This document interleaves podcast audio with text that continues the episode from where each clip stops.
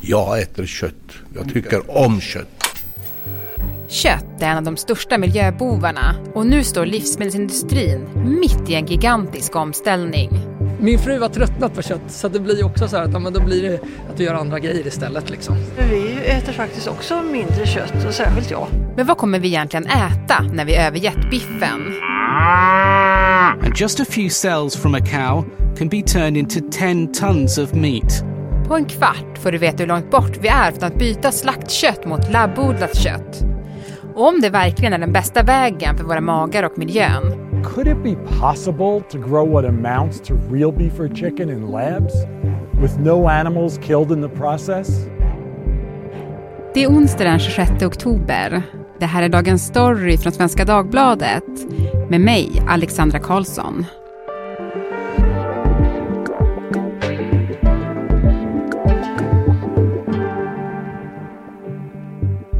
Henrik Ennart, vetenskapsreporter här på Svenska Dagbladet. Ehm, Äter du kött?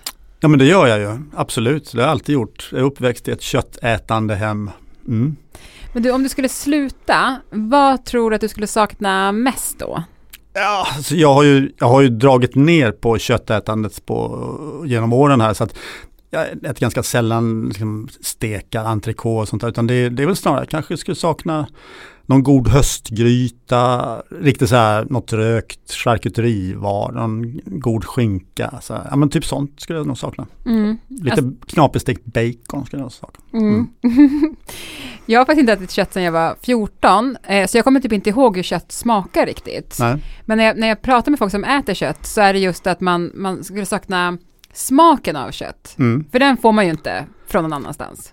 Nej, det får man ju inte. Alltså, det finns ju forskning på detta då till och med då, att som visar att kött är ju, alltså det belönar, man brukar räkna, det finns en här sju belönande kategorier när det gäller mat och eh, Eh, kött, eh, där blink, signalerar grönt ljus liksom i hjärnan på minst fem av dem. Så att vi blir mätta, vi får just protein, vi får just mineraler, det är lite sälta så här va, som signalerar det. Och, och vi får energi framförallt då, mycket, och vi får fett. Så att det, det finns liksom massvis med signaler här. Mm.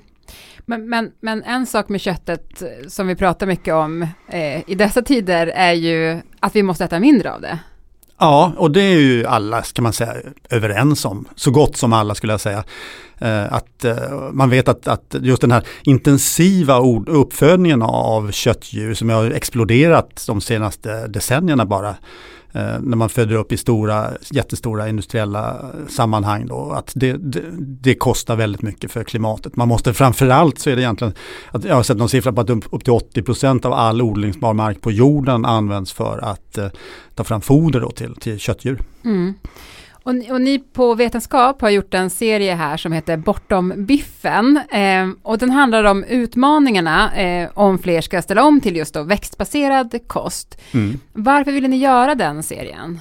Jo, men det har diskuterats väldigt mycket genom åren här eh, just de här klimateffekterna av, av köttet. Så vi ville gå ett steg vidare och egentligen ta det för givet att nu är vi det här och vi ser ju det som pågår i Sverige nu, det är ju en av de största kost och förändringarna av vår vanliga diet som har överhuvudtaget hänt. Eh, det, är en väldigt stor, liksom, det är en väldigt stor omläggning mot, mot växtbaserat. Som ju på, på, på, något sätt många, många bara tar för givet att bara för att det är växtbaserat så är det bra. Men, men socker är också växtbaserat. Ja, det, det, finns liksom, det är inte givet att det, det, är bra bara för att det är växtbaserat. Och det är den diskussionen vi vill ta upp. Mm. Det går att vara extremt onyttig även som vegan ska jag säga. Verkligen, verkligen. Och, och, många tror att man är hälsosam bara för att man skippar köttet och så enkelt är det inte. Mm.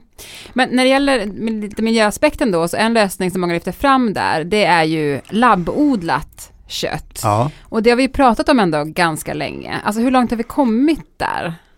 Ja, alltså det ser ju ut som att vi har kommit ganska långt. Man, man har börjat sälja faktiskt i Singapore sådana här eh, labbodlade kycklingspett och liknande då. Och eh, eh, det finns, eh, man säger att under bara det kommande året så kommer det att lämnas in ansökningar, ett antal ansökningar inom EU då för godkännande. Om de kommer att godkännas, det är en helt annan sak. Man, har, alltså, man ser ju att det har gått in väldigt mycket pengar i det här. Egentligen alla stora producenter av, av eh, köttprodukter och charkprodukter, de är ju inne i det här nu och har sina egna bolag som ska ta fram labbaserat kött eftersom man vill vara med på alla, alla och kanter så att säga. Burrows furniture is built for the way you live. From ensuring easy assembly and disassembly to honoring highly requested new colors for their award-winning seating, they always have their customers in mind. Their modular seating is made out of durable materials to last and grow with you. And with Burrow, you always get fast, free shipping. Get up to 60% off during Burrow's Memorial Day sale at burrow.com slash ACAST. That's burrow.com slash ACAST. burrow.com slash ACAST.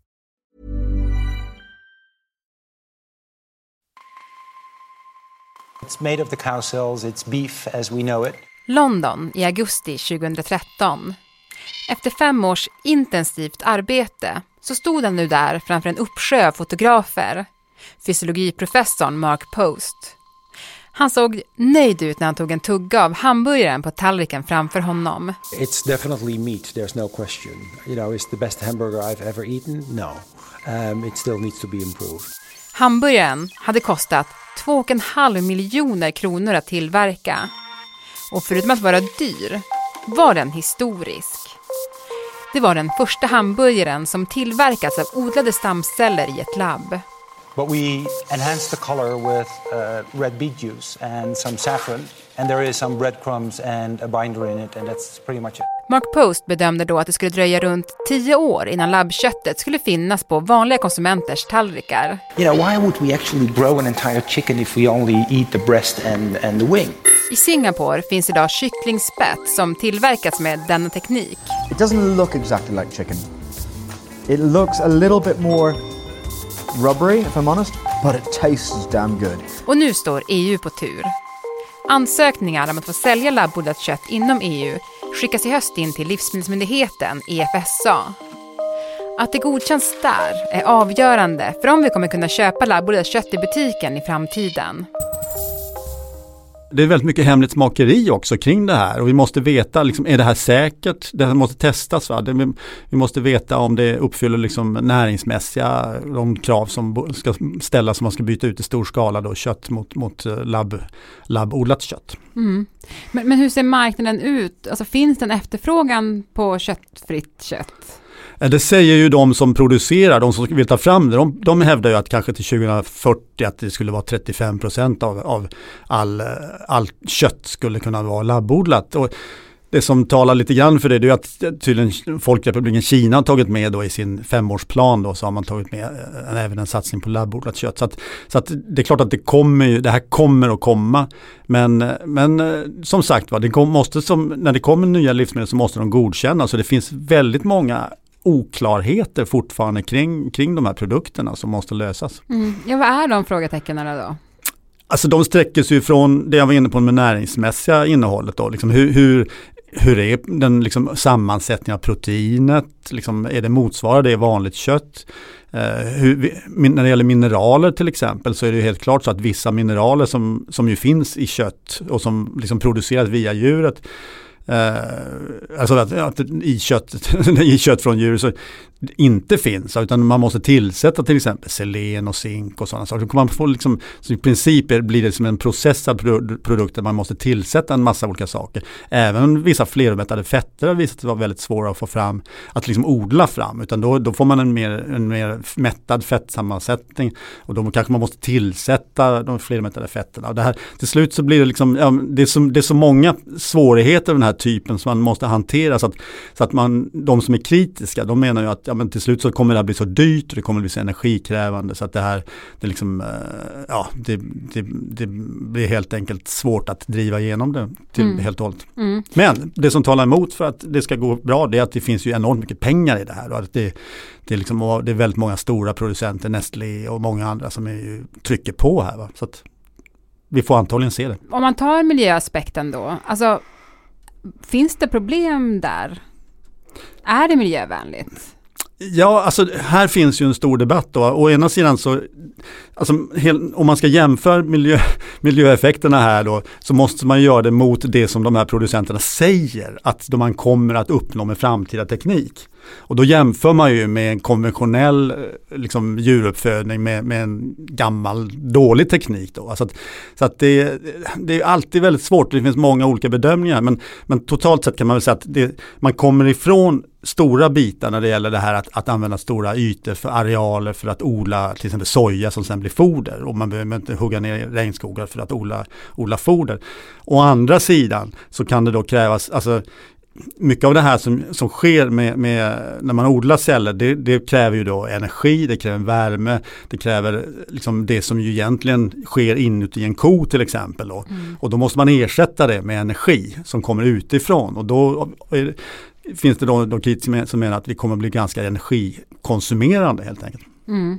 Men det är fortfarande mycket som är up in the blue för att man inte vet så mycket om det. Ja, och det är också en, en det är också en kritik mot det här labbodlingsköttet. att, att eh, det är ju då någonting som ofta är, är, patenterat och hemligstämplat så att man inte riktigt vet hur går det till att producera det här. En stor diskussion har till exempel gällt det här med, med eh, att man använder, det är en typ av stamcellsteknik här som man använder, man, man odlar celler. Och för att få fart på det här så behöver man använda då eh, liksom enzymer från eh, från foster då, från eh, kalvar och från, från kycklingar. Och det här är ju, och sen försöker man ersätta det med annat, men man, liksom exakt vad, det här, vad som är i den här liksom soppan när det här ska växa, det är då affärshemligheter som kanske kommer utvecklas av olika företag. Så att till slut kan vi ju hamna där att det som idag är en, en produkt som en, en jag menar en gris helt enkelt. Mm. Det finns i och för sig patent på grisar också men, men till slut så kommer man att få så att man köper den här, det här är liksom ett företag som säljer den här produkten och som, som kontrollerar en stor del av, av eh, mänsklighetens eh, livsmedelsförsörjning på så vis att de har patent på just det sättet att producera kött. Så mm. vi får ju liksom en privatisering av, av, eh, av livsmedelskedjan på ett sätt som, som ju också debatteras. Hur ser då själva processen ut när man ska odla kött? Att beskriva det låter lite som sci-fi, men här kommer ett försök. I know you like cooking shows, but you're a robot. You don't even have a sense of taste. Det börjar med att man tar ett litet vävnadsprov från djurets muskel. I steg två kokar man ut stamceller från vävnadsprovet och efter det tillsätts ett tillväxtserum för att cellerna ska dela sig och växa. So if you uh, take that under the microscope and you separate the muscle cells from the fat cells, then you can also isolate these uh, stem cells. I en bioreaktor odlas sedan stamcellerna fram till muskelfiber. Och när de blivit tillräckligt många formas de till köttbitar. They will start to produce muscle tissue when we provide the right condition. Det krävs tusentals för att göra en liten bit kött. Och det gör att det än så länge är väldigt dyrt att producera. It's not yet cheap or created easily. En annan utmaning för producenterna är att få det att faktiskt smaka gott. Att odla fram biffar som smakar som vilt kött är till exempel en stor utmaning. Texture, the, the, the mouth feel has a feel like meat. Och bland de få som hittills fått provsmaka det odlade köttet är meningarna delade. There's quite some intense taste. It's close to meat. It's not that juicy, but um, um, the consistency is perfect. But the bite feels like conventional hamburger. Jag har inte smakat själv, det ska jag säga. Och det är, eftersom det inte säljs här. Det, det säljs i Singapore och, och det finns, eh, ja, det finns givetvis liksom journalister som har smakat på, på fabriker och så här under vissa speciella omständigheter. Men, men eh, det som man vet från olika rapporter och sånt där, det är att man har problem med smaken. Och det, att det, det blir inte den här samma köttsmak och, och framförallt så får man lite av den här liksom extra bitterhet och det finns en speciell känsla när liksom det krullar sig lite i munnen och sådär, på tungan och sådär, som, som man jobbar med då helt enkelt för att få bort. Den här omställningen som livsmedelsindustrin ändå står inför, kanske kan jämföras med den som bilindustrin genomgår nu. Alltså vi, man, man kommer köra bil, men den kommer vara på el. Ja, absolut. Jo, men det, det, det är en rätt bra jämförelse. För att, och, och jämförelsen är ju då att, om man, säger, om man tänker sig att elbilar, ja, det, det blir ju då en förändring inom systemet. Va? Man har liksom, vi, vi, vi håller kvar vid privatbilismen, vi håller kvar vid, vi, liksom, vi bygger massvis med vägar istället för att satsa på en någon typ av massiv utveckling av, av kollektivtrafik. Om man tänker det som två olika system. Medan när det gäller de här eh, produkterna så är det ju, då, då behåller man ju samma livsmedelssystem egentligen. Va? Det, det, är fortfarande samma stora företag som kontrollerar de här, liksom hela livsmedelskedjan. Man man, man, medan alternativet kanske skulle vara att liksom, tänka som, jag menar som man vet i tredje världen till exempel, att, att om man jobbade mer med liksom småjordbruk och där, där ekologiskt, där, där, liksom, där, där djur ingår som en liten del i, i helheten. Att det är kanske det som egentligen är mest hållbart och bäst för biologisk mångfald och bäst, ger bäst nyttigast mat också. Så, att, så att det här är ju ett sätt att, anpassa en produkt som passar in i det system som har skapat problemet från början kan man säga. Tack Henrik för att du var med i Dagens Story. Tack själv. Burrows furniture is built for the way you live. From ensuring easy assembly and disassembly to honoring highly requested new colors for their award-winning seating, they always have their customers in mind. Their modular seating is made out of durable materials to last and grow with you. And with Burrow, you always get fast, free shipping. Get up to 60% off during Burrow's Memorial Day sale at burrow.com slash ACAST. That's burrow.com slash ACAST. burrow.com slash ACAST.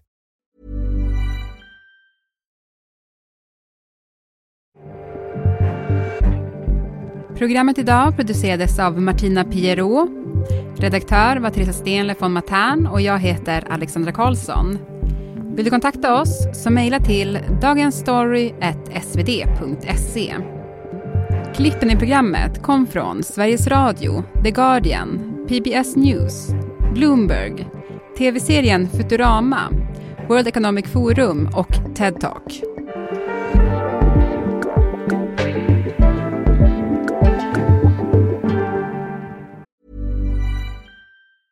Normally being a little extra can be a bit much, but when it comes to healthcare, it pays to be extra. And United Healthcare makes it easy with Health Protector Guard fixed indemnity insurance plans. Underwritten by Golden Rule Insurance Company, they supplement your primary plan, helping you manage out of pocket costs without the usual requirements and restrictions like deductibles and enrollment periods. So when it comes to covering your medical bills, you can feel good about being a little extra. Visit uh1.com to find the Health Protector Guard plan for you.